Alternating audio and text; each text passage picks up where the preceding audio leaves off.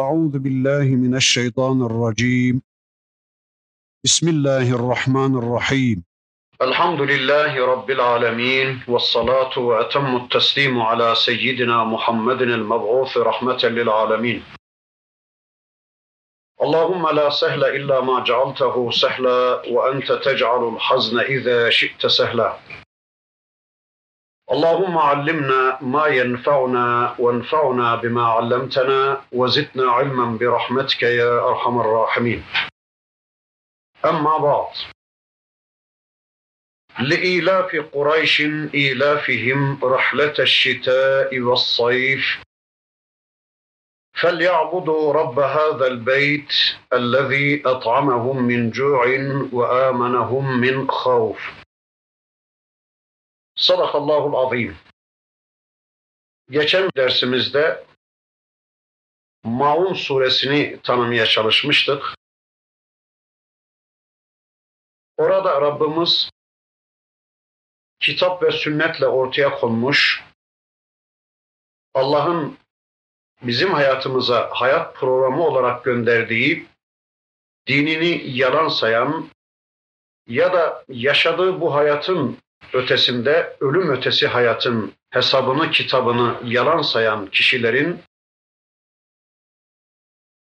nasıl insanlıktan çıktıklarını, nasıl canavarlaştıklarını, Allah'la iyi ilişki içine giremeyen bu insanların Allah kullarıyla nasıl kötü ilişkiler içine girdiklerini anlatmaya çalışmıştı.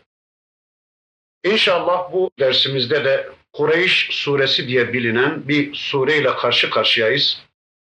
Bu surede Rabbimizin bize ulaştırmak istediği mesajlarını inşallah hep beraber dinleyeceğiz, anlayacağız. Duyduklarımızla, dinlediklerimizle Allah'ın istediği biçimde iman edeceğiz. Sonra da bu imanlarımızı yine Allah'ın istediği biçimde amele dönüştürmek üzere, hayatımızı bu imanlarımızla düzenlemek üzere bir cehdin, bir cihadın, bir çabanın, bir gayretin içine inşallah gireceğiz. Kureyş suresi Mekke'de Fil suresinin hemen arkasından nazil olmuş bir suredir.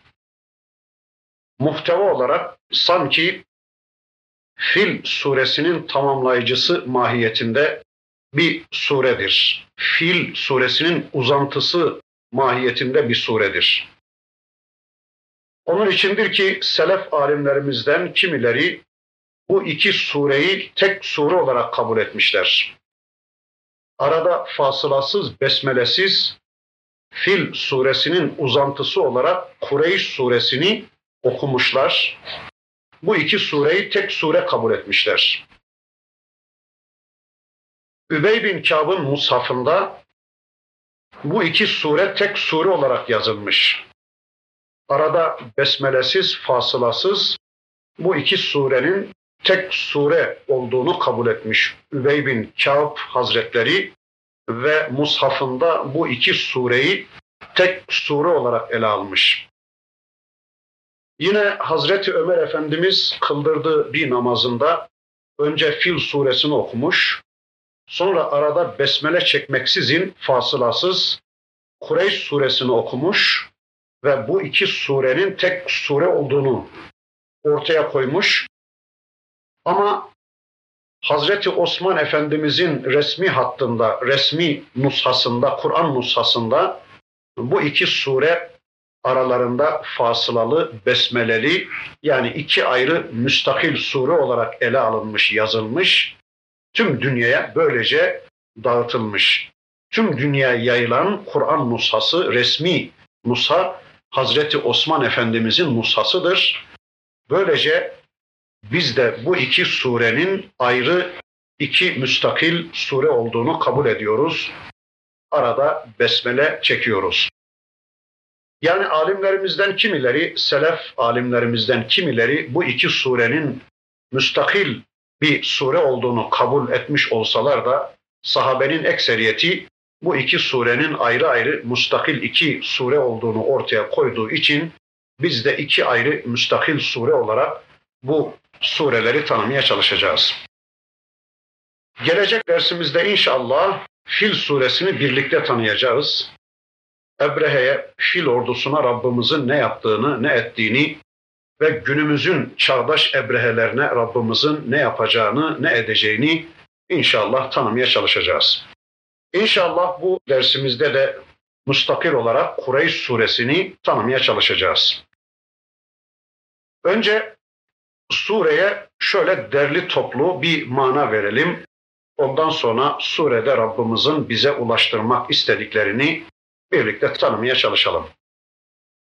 Li'ilafi Kureyş'in Kureyş'in ilafı için Kureyş'in ülfet ettirilmeleri için Kureyş'in birbirlerine sevdirilmeleri için, kendi kendilerini sevmeleri için ve bir de tüm dünya insanlığının gözünde Kureyş'i dokunulmaz hale getirmek için, Kureyş'i bütün dünya ülfet ettirmek, sevdirmek için, Kureyş'in güvenirliliğini, emniyetini sağlamak için ilafihim rahlete şitai ve sayf yaz ve kış yolculuklarında Kureyş'e emniyet sağlamak için yine Kureyş'i ülfet ettirmek için Kureyş'in sevgisini, dokunulmazlığını tüm insanlığın gönüllerine koymak için biz bütün bunları yaptık. Ya'budu rabbe hazel beyt Öyleyse onlar da bu beytin Rabbına kulluk etsinler Bu beytin Rabbına ibadet etsinler. Bu beytin Rabbini dinlesinler. Bu beytin Rabbinin yasalarını uygulasınlar. Bu beytin Rabbinin istediği biçimde hareket etsinler. اَلَّذ۪ي اَطْعَمَهُمْ مِنْ جُعٍ وَآمَنَهُمْ مِنْ خَوْفٍ O Allah ki onları açlıktan doyurdu ve korkudan da emin kıldı. Kendilerini açlıktan doyuran, kendilerini korkudan emin kılan bu beytin Rabbına onlar da kulluk etsinler. Mekke halkı Kureyş'e lütfedilen nimetleri gündeme getiriyor Rabbimiz. Onlara lütfettiği sayısız nimetleri gündeme getirerek bir taraftan Kureyş'i bu beytin Rabbına yani kendisine kulluğa çağırırken Allah bir taraftan da kendilerine yığınlarla nimet sunduğu halde yığınlarla Allah'ın nimetine ulaştıkları halde yine de Allah'a kulluğa yanaşmayan, istenilen noktaya gelmeyen, Allah'ın istediği hayatı yaşamaya yanaşmayan Kureyş'in bu tavrı karşısında Peygamber Efendimiz de teselli edilmektedir bu surede. Rabbimiz bu surede kendilerine lütfedilen nimetleri hatırlatıyor Kureyş'e. Kureyş İbrahim Aleyhisselam'dan beri hakkı tanıyordu. Kureyş İbrahim Aleyhisselam'dan beri Allah'ı tanıyordu. Kabe'yi tanıyordu. Kabe'nin fonksiyonunu tanıyordu. Kabe'nin Rabbi olan Allah'ı tanıyordu ve bu Kabe'nin Rabbi tarafından kendilerine lütfedilen yığınlarla nimetleri tanıyordu. Kureyş daha önce gözlerinin önünde gelecek dersimizde tanıyacağımız surede inşallah söyleyeceğiz. Fil ordusuna Allah'ın ne yaptığını görmüştü Kureyş. Gözlerinin önünde fil ordusunu helak etmişti Rabbimiz. Ebrehe'nin fil ordusunun Kabe'ye ilişmesine imkan vermemişti kendilerini helak etmesine Allah izin vermemişti. İşte bütün bu nimetleri hatırlatarak Rabbimiz kendilerinden kulluk istiyor. Bu beytin Rabbına kulluk etmelerini istiyor. Tabi sadece o nimet değil, o nimetle birlikte Rabbimizin Kureyş'e lütfettiği farklı nimetleri de vardı. Ama bu nimetler kesinlikle Allah'tan başkasına izafe edilemeyecek nimetlerdi. Hani insan kimi nimetleri Allah'tan başkalarına izafe edebilir? Filan bu nimeti bana sağladı. Bu nimete ulaşmama filan sebep oldu diye kimi nimetleri Allah'tan başkasına insan izafe edebilir. Ama Kureyş'e sağlanan bu nimetler Kabe-i Muazzama'nın korunma nimeti, Ebrehe'nin ordusunun helak nimeti, böylece Kureyş'in güvenirliliğinin artırılması, Kureyş'in dokunulmazlığının artırılması, Kureyş'in ülfetinin artırılması nimeti gerçekten Allah'tan başka hiç kimseye izafesi caiz olmayan, mümkün olmayan nimetler. İşte Kureyş'e biraz sonra inşallah demeye çalışacağız. Lütfettiği nimetleri hatırlatarak Rabbimiz size lütfettiğim bu nimetlere karşılık siz de bana kulluk edin, siz de beni dinleyin, benim istediğim biçimde hayatınızı yaşayın, kulluk programınızı benden alın diye Rabbimiz onları kendisine kulluğa çağıracak. Surede muhatap sadece Kureyş gibi. ilafi Kureyş'in ilafihim diye söze başlıyor Rabbimiz.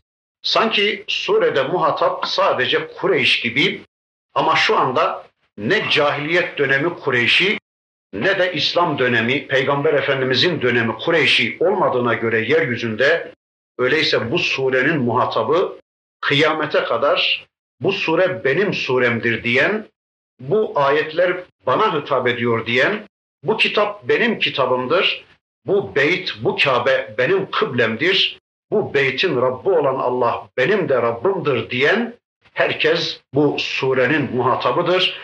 Kıyamete kadar bu sureyi Müslümanca okuyan ve bu surede anlatılanlar istikametinde hayatını düzenlemeye yönelen bütün Müslümanların işte bu sure muhatabıdır diyoruz. Bu kısa mukaddimeden sonra inşallah surenin ayetlerini şöyle tek tek tanımaya çalışalım. Li Kureyş'in İlaf kelimesi elefe kökünden gelir. O da sevmek, sevdirmek, ülfet ettirmek. Parçalar halindeki bir şeyi birleştirmek, parçaları birleştirip bütün haline getirmek anlamına gelen bir kelime. İşte Cenab-ı Hak Kureyş'in ilafını gerçekleştirmiş. Yani parça parça olan, dağınık halde yaşayan Kureyş'i bir araya getirmiş. Önce birbirlerini sevdirmiş, kendilerini kendilerine sevdirmiş, birbirleri arasında ülfeti gerçekleştirmiş. Sonra da tüm civar kabileler nezdinde Kureyş'i ülfet ettirmiş, Kureyş'in sevgisini, Kureyş'in muhabbetini, Kureyş'in güvenirliliğini, dokunulmazlığını Allah civar kabilelerin kalbine yerleştirmiş. Böylece civar kabileler nezdinde Kureyş'i sevilir sayılır hale getirmiş.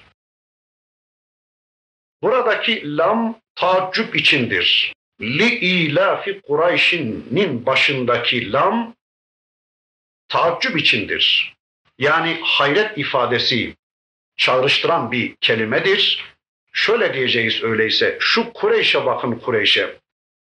Dağınık bir haldeyken Allah onları toparlayıp bir cemaat haline getirdiği halde, birbirleri arasındaki ülfeti gerçekleştirdiği halde, yani birbirlerine birbirlerini sevdirdiği halde, tüm civar kabileleri de Kureyş'i sevdirip ülfet ettirdiği halde, Allah'ın bu kadar nimetine ulaşan bu Kureyş hala Allah'a kulluğa yanaşmıyor. Yine Allah'a kulluk istikametinde bir harekette bulunmuyor şeklinde bu lam bir taaccüp ifadesidir denmiş. Veya buradaki lam bir önceki sure ile bu surenin ilişkisini kuruyor denmiş.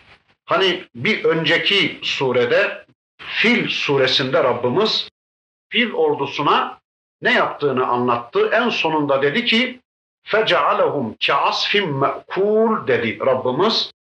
Böylece biz onları yenmiş ekin yaprakları haline getirdik. Ebrehe'nin ordusunu, fil ordusunu. Yani içinde hayvanların gezip dolaştığı hurdahuş olmuş ekin haline getirdik onları. Ya da hayvanların yiyip de dışarıya attığı affedersiniz dışkı haline, posa haline getirdik onları. Ne için yapmış Rabbimiz? Li ilafi Kureyş'in. Fecealehum ke'asfin me'kul li ilafi Kureyş'in. Niye yapmış Allah bunu? Neden helak etmiş Allah Ebrehe'nin ordusunu? Neden yerle bir etmiş o orduyu? Neden yenmiş ekin yaprakları haline getirmiş Allah fil ordusunu? Li ilafi Kureyş'in. Kureyş'in emniyeti için, Kureyş'in güveni için, Kureyş'in dokunulmazlığını sağlamak için, Kureyş'i bütün dünya insanlarına sevdirmek için, ülfet ettirmek için. Bakın o olaydan sonra Ebrehe'nin ordusunun yok edilmesinden sonra hem Kabe'nin değeri artmıştı tüm dünya insanlığının gözünde hem Kureyş'in değeri artmıştı. Bütün dünya anlamıştı ki bu Kabe Allah'ın Kabe'si. Bütün dünya anlamıştı ki bu beyt Allah'ın beyti çünkü Allah korumuştu. Ebrehe ilişememişti Kabe'ye. Güçlü kuvvetli bir orduyla geldiği halde muhassıp denen mevkide yerle bir edilmişti Ebrehe ve ordusu. Üstelik karşısına çıkan hiçbir güç de yoktu. Araplar yani Kureyş dua etmişler Kabe'nin avlusunda. Ey bu Kabe'nin Rabbi! Bu güçlü kuvvetli ordu karşısında bizim yapabileceğimiz bir şey yoktur. Şu putlarımızın da o anda Kabe'nin içi 360 tane putla doluydu. Şu putlarımızın da bize sağlayabileceği en küçük bir şey yoktur. Biz biliyoruz ki ey bu Kabe'nin Rabbi böyle ciddi bir tehlike karşısında bizi korusan korusan sen korursun demişler. Allah'a dua etmişler. O müşrikler yapabilecekleri de bir şey yoktu. Dağlara çekilmişler. Acaba Allah Kabe'sini nasıl koruyacak diye dağda bakışıp dururlarken işte Ebrehe'nin ordusu gururla, kibirle harekete geçmiş. 60 bin civarında bir ordu Kabe karşısında duruyor ve karşısına çıkacak bir tek asker yok. Bir tek güç de yok. Gururla, kibirle Kabe'yi ezmek üzere, yeryüzünde Allah'ın bir ayetini silmek üzere, yeryüzünde Allah'a kulluk sembolünü bitirmek üzere. Kabe'yi yıkınca hesap ediyordu Ebrehe artık yeryüzünde Allah'a kulluk bitecek, bütün insanlar benim kulum olacak, Allah'ın yasalarının pilini bitireceğim, Allah'ın sistemini yıkacağım, yok edeceğim. Böylece kendi yasalarım hakim olacak, benim hukukum hakim olacak. İnsanlar artık bundan böyle bana kul köle olacaklar diye gururla, kibirle Kabe'ye doğru yürür. Üstelik karşısında karşı koyacak bir tek insan da yoktu. İşte kafirlerin yanıldığı nokta burasıydı. Kafirlerin yanıldığı nokta burasıydı. Allah'la savaşa tutuşan, Allah'ın sistemiyle savaşa tutuşan, Allah'ın kulları, Müslümanları yok etmeye çalışanlar, Kabe'yi yok etmeye çalışanlar zannederler ki Kabe yalnız. Zannederler ki Müslümanlar yalnız, korumasız. Öyle zannediyor. Bütün kafirler aldanıyorlar. Güçlü, kuvvetli ordusuyla harekete geçiyor. Ama gerçek gelecek dersimizde söyleyeceklerimizi şimdiden söyleyiverdik ama neyse olsun fark etmez. İşte bu sureyi iki sureyi tek sure kabul edenlerin görüşüne göre de böyle deyiverdik inşallah. Denizden sürü sürü kuşlar çıkar. Allah'ın anlattığına göre bir bulut gibi Ebrehe'nin ordusunun üstünü sarar. Ebrehe az sonra başına geleceklerin farkında değil. Kabe'yi yalnız zannediyor, korumasız zannediyor, kimsesiz zannediyor. Halbuki onun arkasında Allah vardı. Bakın dünyanın en güçlü ordusu dünyanın en güçsüz ordusuyla biraz sonra nasıl yenilecekti? Kuşlar. Güçsüzdür, zayıftır kuşlar ama dünyanın en güçlü ordusunun dünyanın en zayıf orduları tarafından biraz sonra bakın ne hale geleceğini işte üzerlerini kuşlar sarar. O kuşların bir ağzında ikişer de ayaklarında taş vardır. Böylece beş taş var kuşlarda. Atmaya başlarlar bu taşları. Sanki bu taşlar mitralyoz olur, bomba olur. Ebrehe'nin ordusunun beyninde patlar. Hatta Kur'an'ın başka bir ayetinden öğreniyoruz ki musevvameten inde rabbihim her bir taşın üzerinde kimin başına düşeceği de yazılıymış. Allah belirlemiş bunu. Kuş Allah'ın ordusu biraz sonra mitralyoz bombaları inmeye başlar ve Ebrehe'nin ordusunun affedersiniz beyninden girer ensesinden çıkar. فَجَعَلَهُمْ كَعَصْفٍ مَأْكُولٍ diyor ya Allah, yenmiş ekin yaprakları haline gelir.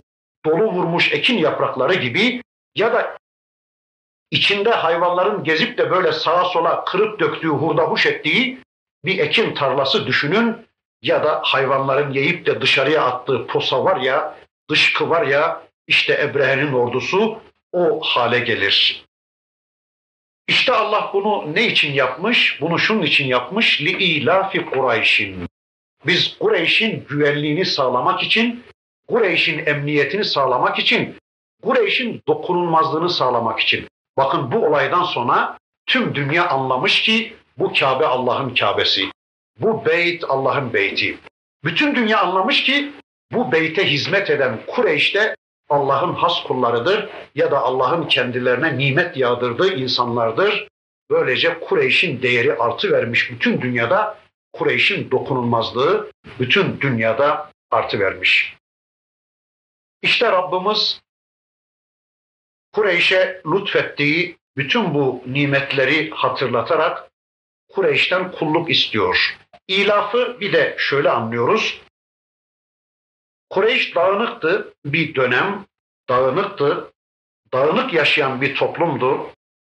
Ama Peygamberimizin dedelerinden Kusay döneminde Kureyş Mekke'de toplanmış Kusay tarafından ve Kabe'ye hizmete amade saymışlar kendilerini. Gelen hacıları haç maksadıyla Kabe'ye gelenleri doyurmaya, onları sulamaya ve onların ihtiyaçlarını görmeye başlamışlar. Böylece Kusay döneminde Mekke'de toplanan Kureyş'in değeri Kabe-i Muazzama'ya Allah'ın beytine hizmetlerinden dolayı artı vermiş, değerli hale gelmiş Kureyş. Sonra Husay'ın oğullarından Abdümenaf zamanında Kureyş'in değeri bir kat daha artmış. Çünkü Abdümenaf'ın dört tane oğlu vardı. Birisi Haşim'di. Abdümenaf'ın oğullarından Haşim, Şam ve Gassan taraflarıyla ticari ilişkiler kurdu. Abdüşşems ikinci oğlu, Abdümenaf'ın ikinci oğlu Abdüşşems de Habeş bölgesiyle ticari ilişkiler kurdu. Abdülmuttalip Yemen taraflarıyla Nevfel de İran ve Irak'la ilişkiler kurdu. Böylece Abdümenaf'ın dört oğlu zamanında Kureyş zenginliğe ulaştı. Bu dört oğluna ashab-ı ilaf denmiş. Civar bölgelerle, civar ülkelerle ticari ilişkileri kurdukları için Abdümenaf'ın bu az evvel isimlerini zikrettiğim dört oğluna ashab-ı ilaf denmiş. Bu dönemde Kureyş'in değeri bir kat daha artmış. Ticari ilişkiler kurulmuş. Böylece Mekke bir ticaret merkezi haline gelmiş. Kapitülasyonlar elde edilmiş, büyük gelir sağlanmış, refah seviyesi artmış Kureyş'in. Sonra Mekke bir ticaret merkezi haline gelirken aynı zamanda bir kültür merkezi de haline gelmiş. Kültürel etkileşim olmuş ve hatta daha sonra peygamberimize gelecek vahyin yazılmasında kullandıkları yazıyı işte bu kültürel etkileşim sonucunda Irak'tan getirdiklerini biliyoruz. Ahmed İbni Hanbel'in müsnedinde peygamberimizin şöyle bir hadisi var. Kureyş civar kabilelerin efendisidir. Gerçekten de Kureyş içinde okuma yazma oranı diğer kabilelere nazaran daha çok artmıştı. İşte Hicaz bölgesi yani Mekke ve çevresi o dönemde gerçekten çok önem kazanmış. Gerek kültürel yönden gerek ticaret yönünden çok önemli bir hale gelmiş. Bu önemli bölgeyi işgal etmek isteyen Ebrehe de güçlü kuvvetli bir ordu hazırlamış ve Muhassıp denen yerde biraz evvel arz ettim. Ebrehe'de ordusu da helak edilmiş. Allah Ebrehe'nin Kabe'ye ilişmesine izin vermemiş. Böylece hem Kabe'nin dokunulmazlığı hem de Kabe'ye hizmet eden Kureyş'in dokunulmazlığı açığa çıkmış. Tüm civar kabilelerde insanlar birbirlerini öldürürlerken, kervanlar soyulurken, gasp ve kıtal hadiseleri yayılırken kimse Kureyş'e dokunmuyordu. Kureyş'in dokunulmazlığı öyle bir artmıştı ki, güvenirliliği öyle bir artmıştı ki, tek başına da olsa Kureyşli birisi uzun çölleri aşıp ticaret maksadıyla, ziyaret maksadıyla bir yerlere giderken onun Kureyşli olduğunu bilen hiç kimse ona dokunmuyordu, dokunamıyordu. Çünkü onlar Allah'ın has kullarıydı. Allah Kabe'sini korumuştu, Kureyş'i korumuştu. Bütün dünyanın gözünde Kureyş bu kadar büyümüş, bu kadar güvenir hale gelmiş, böyle bir dokunulmazlık kazanmıştı. İşte buradaki ilafı böylece anlıyoruz. لِإِيلَافِ قُرَيْشٍ İlafihim rahleteş şita'i ve sayf. Kur'an-ı Kerim'de Ankebut suresinde Rabbimiz buyurur ki elem yarav enna cealna haraman aminen ve yutakaddafun nasu min havlihim. Görmüyorlar mı ki çevrelerindeki kabileler öldürülüyorlar, eşkıyalar, haramiler insanları öldürüyor, mallarını, canlarını gasp ederken Kureyş'e kimse dokunmuyor. Gerçekten bir adam Kureyş'ten mi kimse ona dokunmuyordu. Hatta bırakın Kureyş'e mensup olmak, Kureyş'in emanında bile olsa bir adam ona da kimse dokunmuyordu. İşte bütün bu nimetleri hatırlatıyor Rabbimiz. Sonra diyor ki فَلْيَعْبُدُوا رَبَّ هَذَا الْبَيْتِ Bütün bu nimetlere karşılık her nimet bir külfet karşılığıdır. Her nimet bir külfeti gerektirir, bir kulluğu gerektirir. Öyleyse fel ya'budu rabbe hadel beyt. İşte bütün bu nimetlere ulaşan Kureyş'te bu beytin Rabbına kulluk etsin. Ellezî et'amahum min cu'in ve âmenahum min havf. Bir başka nimetini de Allah şöylece gündeme getiriyor. Öyle ki o Allah onları açlıktan doyurdu ve korkudan da emin kıldı. Bu bölge insanını Mekke ve çevresindeki insanları Allah açlıktan doyurmuş ve korkudan da emin kılmıştı. Burası zaten insanları doyuracak bir yapısal özelliğe sahip değildi. Kureyş zaten önceden de açtı, dağınıktı ve bu geldikleri, yerleştikleri Mekke'de ziraata elverişli bir yer değildi. İnsanları doyuracak yapısal bir özelliğe de sahip değildi. Ama böyle kupkuru bir çölü Allah onları doyuracak özelliğe sahip kıldı. Allah onları açlıktan doyurdu ve korkudan da emin kıldı. Yıllar önce takriben 2000 yıl önce İbrahim Aleyhisselam dua etmişti. Hani İbrahim suresinde bir ayeti kerimede Rabbimiz onu şöyle anlatıyor. Rabbena inni eskentu min zurriyeti bi vadin gayri zi zer'in inde beytikel muharram. Rabbena li yuqimus salat fec'al ef'ideden minen nasi tehvi ileyhim varzukhum mine's semerati leallehum yeşkurun. Yıllar önce takriben 2000 yıl önce İbrahim Aleyhisselam karısı Hacer'i kucağında çocuğu İsmail ile birlikte o su olmayan, ekime de elverişli olmayan çölün ortasında bırakıp giderken Allah'a şöyle dua etmişti. Ya Rabbi ben zürriyetimi böyle ekim bitmez bir arazide, münbit olmayan bir arazide bırakıp gidiyorum. Ya Rabbi zürriyetimin namaz kılmaları için, sana kulluk yapmaları için sen insanların gönüllerini buraya yönelt ya Rabbi. E şu anda bile insanların gönülleri hep orada değil mi? Hepimiz hacca gitmek için çırpınıyoruz. O bölgeye can atıyoruz. Ya Rabbi diyor İbrahim Aleyhisselam, insanların gönüllerini buraya yönlendir ve bu bölge insanlarını da çeşitli rızıklarla, meyvelerle doyur ki ya Rabbi bunlar namaz kılsınlar, sana şükretsinler diye Rabbimize dua etmişti yıllar önce İbrahim Aleyhisselam ve işte İbrahim Aleyhisselam'ın bu duasını Rabbimiz kabul etmiş, bu bölge insanını açlıktan doyurmuş. Yine Bakara suresinde bu bölge insanının emniyette olması için de İbrahim Aleyhisselam şöylece dua etmişti. وَاِذْ قَالَ إِبْرَاهِيمُ رَبِّ اجْعَلْ هَذَا بَلَدًا آمِنًا وَارْزُقْ أَهْلَهُ مِنَ الثَّمَرَاتِ مَنْ آمَنَ مِنْهُمْ بِاللّٰهِ وَالْيَوْمِ الْآخِرِ Ya Rabbi bu beldeyi emin kıl.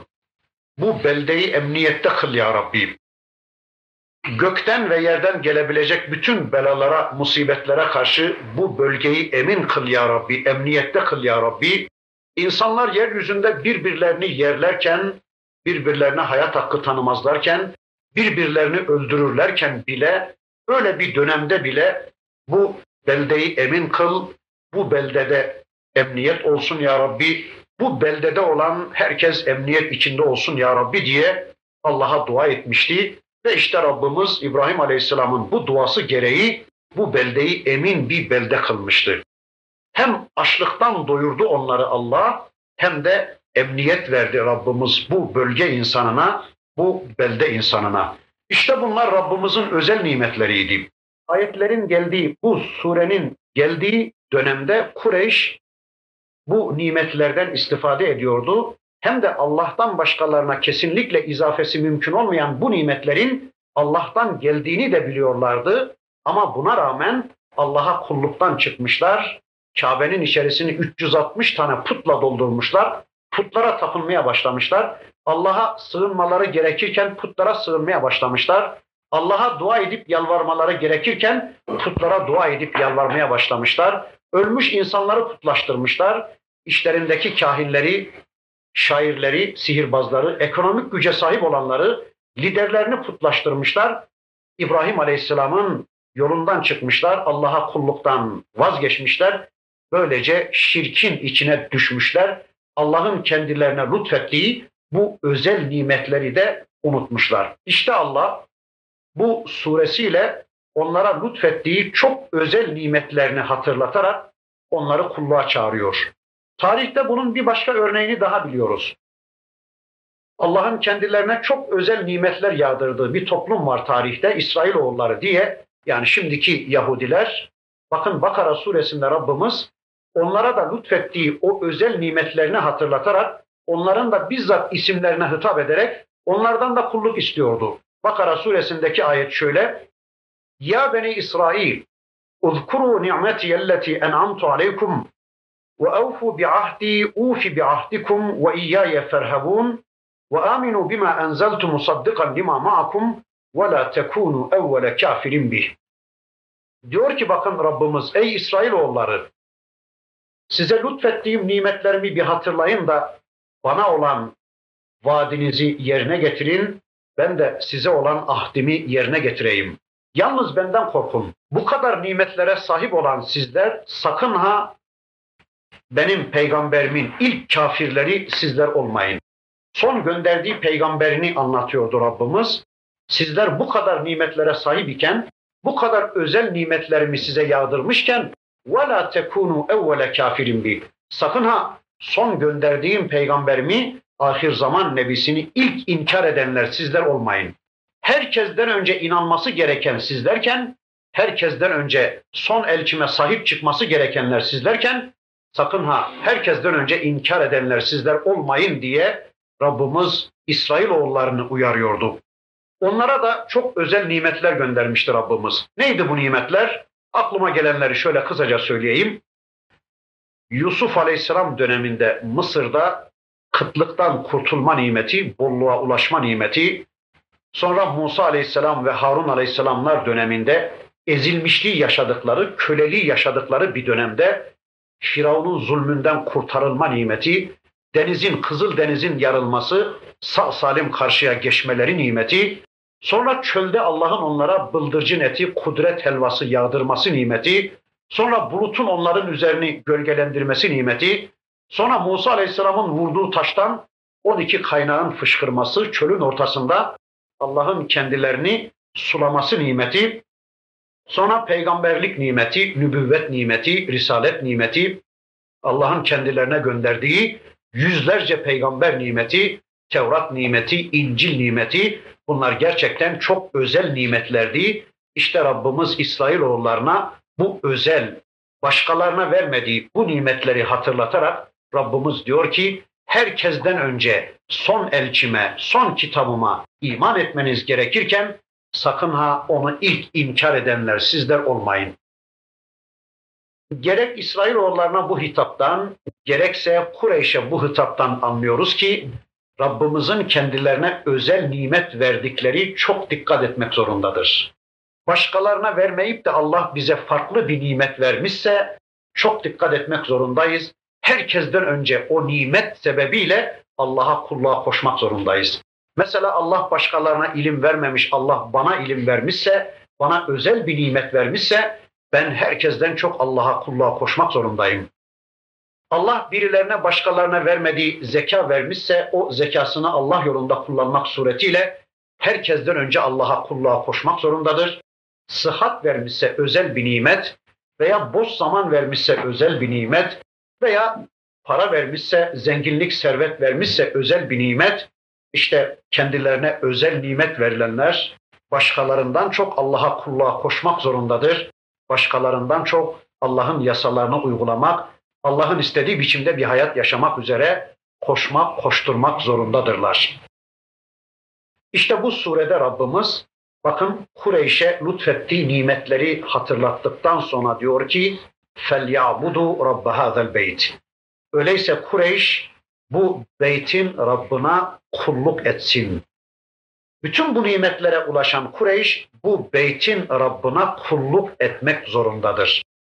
Özellikle bu beytin Rabbi denilmiş. Kureyş Allah'a kulluk etsinler denmemiş de özellikle Rabbe hazel beyt bu beytin Rabbına, bu Kabe'nin Rabbına kulluk etsinler ifadesini şöyle anlamaya çalışıyoruz. Çünkü Kureyş bu beyt sayesinde korunmuştu. Demin anlatmaya çalıştım. Kureyş bu beyt sayesinde doydu. Kureyş bu beyt sayesinde emniyete kavuştu. Bu beyt sayesinde dokunulmazlığa ulaştı. Bu beyt sayesinde ülfet ettirildi tüm dünya insanlığına. Yani madem ki ey Kureyş bu beytin sayesinde doyuyorsunuz, bu beytin sayesinde güvenirliliğe ulaştınız, dokunulmazlığa ulaştınız. Öyleyse siz de bu beytin Rabbına kulluk etmek zorundasınız. Yani sadece bu beytin Rabbini dinleyin, sadece bu beytin Rabbına kulluk edin. Namaz konusunda bu beytin Rabbini dinleyip cinsel ilişkilerinizin düzenlenmesi konusunda öteki evlerin, mesela genel evlerin Rablerini dinlemeyin. Namaz konusunda da cinsel ilişkileriniz konusunda da sadece bu beytin, bu evin Rabbini dinleyin. Veya namaz konusunda, oruç konusunda bu beytin, Kabe'nin Rabbini dinleyip de hukuk konusunda başka evlerin, başka müesseselerin hukuklarını dinlemeyin. Onlara tabi olarak şirke düşmeyin. Veya haç konusunda, oruç konusunda bu beytin Rabbini dinleyip ama kılık kıyafet konusunda moda evlerinin Rablerini dinlemeyin. Ya da başka Rablerin kılık kıyafet anlayışını kabul ederek böylece şirke düşmeyin. Namaz konusunda, oruç konusunda bu beytin Rabbini dinleyip ama hayatınızın yapılanması konusunda, mesela eğitiminiz konusunda, mesela hukuk konusunda, kazanmanız, harcamanız konusunda ya da sosyal ve siyasal yapılanmalarınız konusunda sakın ha Kremlin'in, Beyaz Saray'ın Rablerini dinlemeyin. Hayatınızın her bir konusunda sadece bu beytin Rabbına kulluk edin, sadece bu beytin Rabbini dinleyin. İbadet genelde insan hayatını, insanlığın hayatını, özelde de bir insanın bir gecelik ve gündüzlük hayat birimini Allah'ın istediği biçimde doldurmasının adıdır. Bu cümleyi bir daha söyleyeyim. İbadet bir gece ve gündüz dediğimiz insan hayatının bir günlük birimini Allah'ın istediği biçimde yaşaması, Allah'ın istediği biçimde doldurmasıdır. O bir gün ve geceyi insanlar mutlaka yaşayacaktır. Herkes yaşıyor şu anda ama kimileri Allah'ın istediği biçimde yaşıyor, Allah'a kulluk ediyor.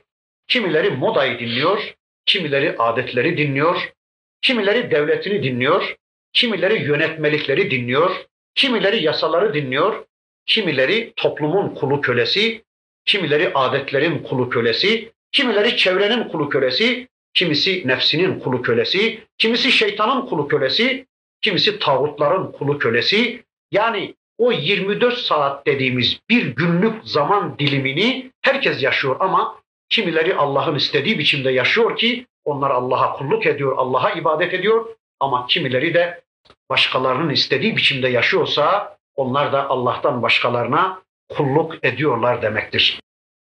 İbadet iradeyi Allah'a teslim etmek demektir. Kişinin iradesini Allah'a teslim etmesi, Allah'a kul olması demektir. Ne anlama gelir bu? Bakın Allah beni yaratırken bir irade vermiş bana. Benim dışımdaki varlıkların iradeleri yok. Onların boyunlarındaki kulluk iplerinin ucu doğuştan Allah'ın elinde. Taşın size kafa tuttuğunu gördünüz mü bugüne kadar? Taşı almak istediğinizde taşın iradesi yok ki. Taşın boynundaki ipin ucu doğuştan Allah'ın elindedir. Melek de böyledir, hayvanlar da böyledir, bitkiler de böyledir, dağlar taşlar da böyledir. Yeryüzünde bir tek insan var, doğuştan boynundaki ip elinde dünyaya geliyor. İşte Allah bana bir irade vermiş, boynumda bir iple yaratmış ve ben irademi Allah'a teslim edince işte ben Allah'a teslim oldum. Allah'ın kulu oldum demek. Şöyle söyleyeyim bakın. Sabahleyin kalktınız. Birçok şeyleri yapma imkanınız var. İradeniz elinizdeyse. Birilerine satılmadıysanız birçok şey yapma imkanınız var. Müzik dinleyebilirsiniz sabahleyin. içki içebilirsiniz, zina edebilirsiniz, kumar oynayabilirsiniz, yalan söyleyebilirsiniz, gıybet edebilirsiniz. Birçok şey yapar. Adam bile öldürebilirsiniz. Ama eğer kişi iradesini Allah'a teslim etmişse bu şu demektir. Ya Rabbi işte ben şunların hepsini yapma imkanına sahip iken ben bu irademden vazgeçtim. Ben bu irademi sana verdim. Bunlardan hangisini beğendiysen, seçtiysen ben onları yapacağım. Senin seçimini seçim kabul ediyorum. Senin benim adıma seçimini kulluk kabul ediyorum, seçim kabul ediyorum ya Rabbi diyen kişi işte bu Allah'a kulluğa karar vermiş, Allah'a ibadete karar vermiş kişidir. Artık bu benim mantığıma ters geliyor. Bu benim aklıma yatıyor. Keyfim böyle istiyor deme hakkına sahip değildir o kişi. Allah onun adına neyi seçmişse o güzeldir. Neyi seçmemişse o kötüdür. İşte böylece iradesini Allah'a tümüyle teslim eden kişi Allah'ın kuludur. Ama hayatın sadece belli bölümünde değil, hayatın tümünde Allah'a kul olmak zorundayız.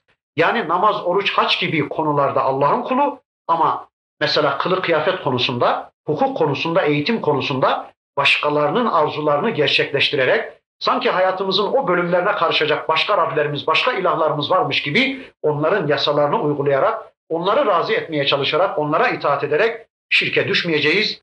Hayatın her bir alanında Allah'a kulluk edeceğiz. İşte ibadet çok e, kısaca böyledir. Allah'a ibadet etsinler, bu beytin Rabbına ibadet etsinler derken işte Rabbimiz hem onlardan hem de bizden böyle bir ibadet istiyor. Tabi Rab ifadesini de söyleyelim burada. Bu beytin Allah'ına denmemiş de bu beytin Rabbına denmiş. Öyleyse Rab'la alakalı da bir iki cümle söyleyelim. Önceki derslerimizde epey bir şeyler demiştik ama kısaca söyleyelim. Rab günlük hayat programını belirleyen varlık demektir. Bir adamın günlük hayat programını kim belirliyorsa onun Rabbi odur. Ya da şöyle söyleyelim, Rab yaptıklarımızı bize yaptıran, yapmadıklarımızı da yaptırmayan varlıktır. Yani ne yapıyoruz? Mesela şu anda ben konuşuyorum bakın. Beni şu anda konuşturan sebep neyse benim Rabbim odur. Farz edin ki yarın milletvekili olacağım. Kafama koymuşum. Şu kardeşlerimin oyuna ihtiyacım vardır. Bunların gözüne gönlüne bir gireyim diye şu anda konuşuyorsam benim niyetim oysa yani beni şu anda konuşturan güç, sebep, saik oysa benim Rabbim odur. Allah'tan şu yaptığım hizmetin karşılığında bir şey istemeye hakkım yoktur. Veya şu sohbetin sonunda ben bu kardeşlerime Kureyş suresini anlatırsam herhalde bunlar sohbetin sonunda bana para toplarlar, cebime bir miktar para korlar niyetiyle gelmiş konuşuyorsam, yani şu anda beni konuşturan sebep paraya ulaşmaksa benim Rabbim paradır, Allah'tan bir şey istemeye hakkım yoktur. Ama yok, ben bu sureyi Rabbim bu kardeşlerime anlatmamı benden istedi diye gelmiş şu anda konuşuyorsam benim Rabbim Allah'tır. Siz de buraya niye geldiyseniz sizin Rabbiniz odur. Yani mükafatı ondan isteyeceksiniz. Eş dost göreyim diye geldiyseniz tamam Rabbiniz odur. Allah istedi diye bir sureyi tanıyayım diye buraya geldiyseniz yani kulluğumda bu sure bana lazım. Ben bununla hayatımı düzenlemek zorundayım. Bu sureyi bilmeden ben hayatımı düzenleyemem, bakışımı düzenleyemem diye bu sureyi öğrenme niyetiyle geldiyseniz sizin Rabbiniz Allah'tır. İşte Rab neymiş demek ki? Kişiye yaptığını yaptıran, yapmadığını yaptırmayan güçtür. Namaz kılıyoruz. Niye? Diz kireçlenmelerini önlemek için mi? Rabbimiz o. Allah için mi? Rabbimiz Allah.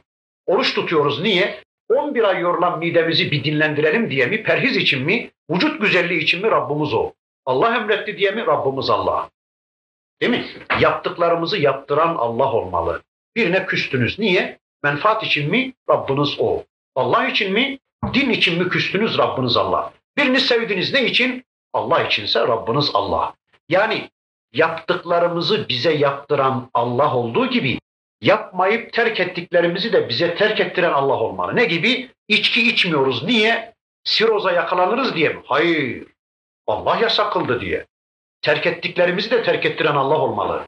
Zina etmiyoruz niye? Eydis korkusuyla mı? Hayır. O zaman Rabbimiz olur. Allah yasak kıldı diye zina etmiyoruz biz değil mi? Veya Neyse hayatımızda birçok haramlar var. O haramlarda etkili varlık Allah olmalı, Rabbimiz Allah olmalı. İşte Rab odur. Tüm yaptıklarınızı bir düşünün. Kim dedi diye yaptınız? Zerdüş dedi diye mi? Toplum öyle istedi diye mi? Ailem böyle emretti diye mi? Yönetmelikler böyle istiyor diye mi? Yasalar böyle diye mi? Adetler böyle diye mi? Ya da işte tağutlar böyle istiyor diye mi? Yoksa Allah istiyor diye mi yapıyoruz yaptıklarımızı ya da yapmayıp terk ettiklerimizi onu bir düşünelim. Evet, bu beytin Rabbına kulluk etmek zorundayız. Kureyş'ten dün Kureyş'ten istiyordu Allah bunu, bugün de bizden istiyor. Çünkü bütün bu nimetler şu anda bizde de var değil mi? Yani Kureyş'e bu nimetleri Allah sağladı de, yani onları açlıktan doyuran Allah'tı da, onları korktukları şeylerden emin hale getiren, güvenilir hale getiren Allah'tı da, e şu anda bizi açlıkta doyuran başkaları mı? Bizim güvenliğimizi sağlayan Allah'tan başkaları mı? Şu anda biz de hayattayız değil mi? Biz de doyuyoruz değil mi şu anda? Biz de güvenlik içinde yaşıyoruz değil mi şu anda? Öyleyse bizim güvenliğimizi sağlayan da Allah'tır. Bizi doyuran da Allah'tır. Öyleyse bizler de Rabbimize kulluk etmek zorundayız. Tüm hayatımızı bu beytin Rabbinin istediği biçimde yaşamak zorundayız. Tabi şunu anlıyoruz, her nimet bir külfet karşılığıdır.